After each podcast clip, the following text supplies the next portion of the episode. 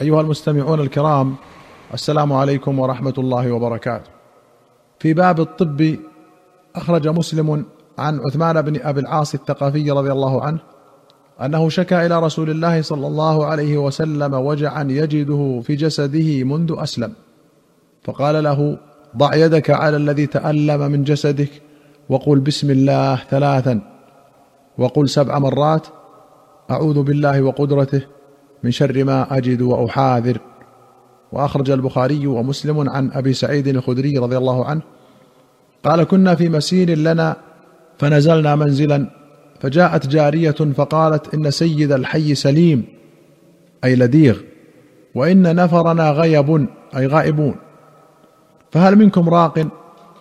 فقام معها رجل ما كنا نأبنه برقية أي لا نتهمه بها. فرقاه فبرأ فأمر له بثلاثين شاه وسقانا لبنا فلما رجع قلنا له أكنت تحسن رقية أو كنت ترقي؟ قال لا ما رقيت إلا بأم الكتاب. قلنا لا تحدثوا شيئا حتى نأتي أو نسأل رسول الله صلى الله عليه وسلم. فلما قدمنا المدينة ذكرناه للنبي صلى الله عليه وسلم فقال وما كان يدريه أنها رقية اقسموا واضربوا لي بسهم. وفي رواية قال انطلق نفر من أصحاب رسول الله صلى الله عليه وسلم في سفرة سافروها حتى نزلوا على حي من أحياء العرب فاستضافوهم فأبوا أن يضيفوهم فلدغ سيد ذلك الحي فسعوا له بكل شيء لا ينفعه شيء. فقال بعضهم لو أتيتم هؤلاء الرهط الذين نزلوا بكم لعلهم عندهم بعض شيء. فأتوهم فقالوا يا أيها الرهط إن سيدنا لدغ.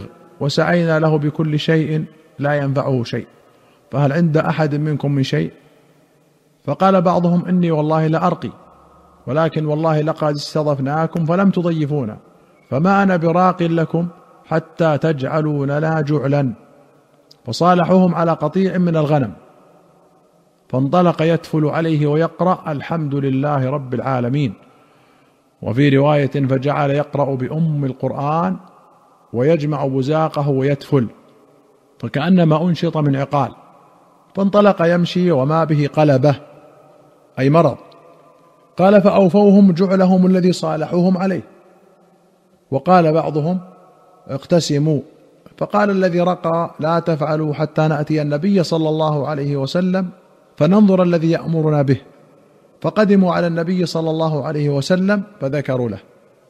فقال وما يدريك أنها رقية؟ ثم قال قد أصبتم اقسموا واضربوا لي معكم سهما. وضحك النبي صلى الله عليه وسلم.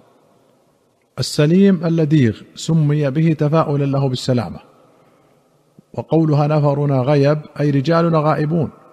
والغيب بالتحريك جمع غائب كخدم وخادم. وروي غيب بضم أوله وتشديد الياء. وقوله نأبنه أي نتهم هو المأبون المتهم والجعل هو الأجرة.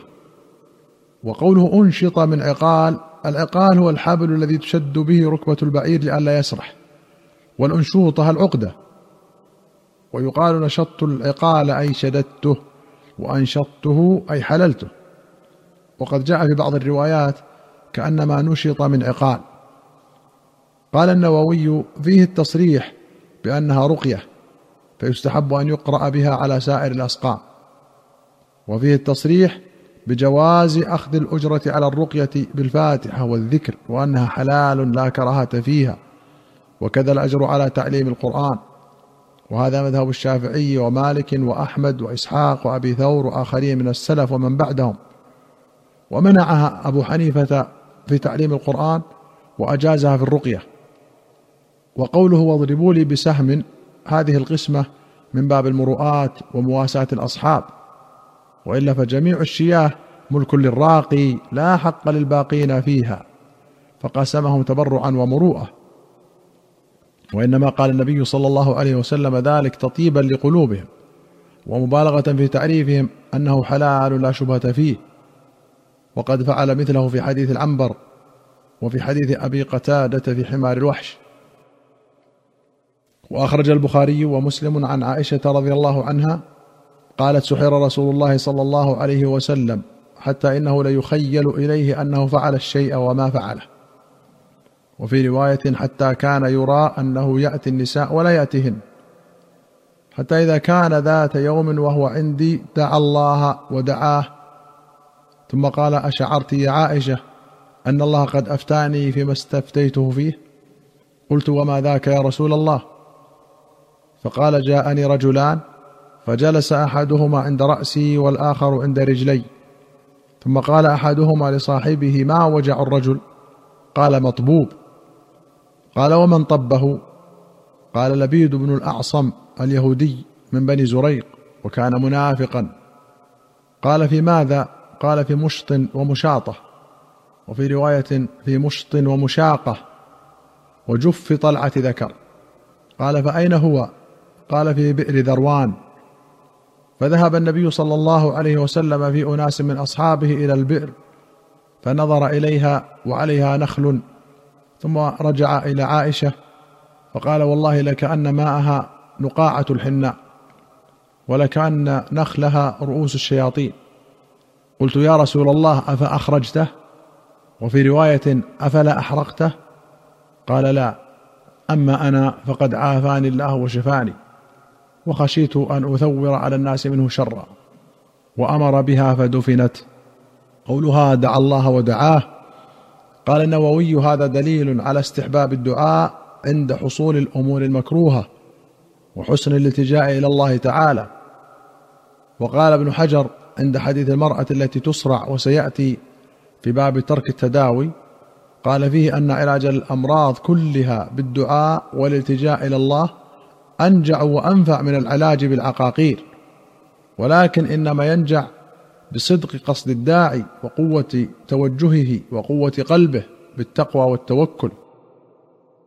قوله مطبوب أي مسحور تقال تفاؤلا كما يقال للديغ سليم وللمهلكة مفازة والجف غشاء الطلع الذي يكنه والذكر فحال النخل والمشاطة الشعر الذي يسقط من الرأس واللحية عند التسريح بالمشط والمشاقة بالقاف هي المشاطة بالطاء وهي أيضا ما ينقطع من الإبريسم والكتان عند تخليصه وتسريحه.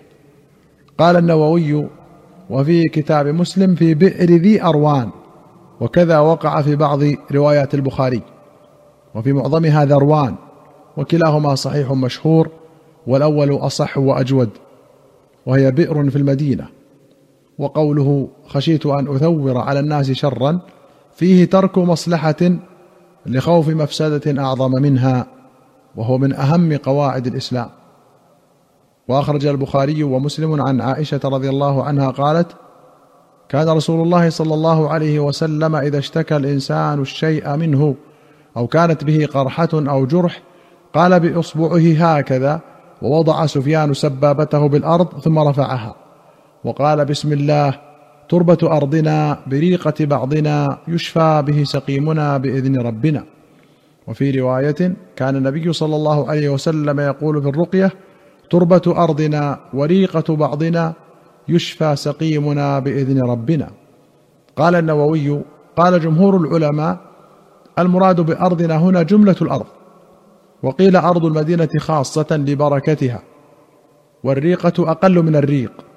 ومعنى الحديث أنه يأخذ من ريق نفسه على أصبعه السبابة ثم يضعها على التراب فيعلق بها منه شيء فيمسح به على الموضع الجريح أو العليل ويقول هذا الكلام في حال المسح.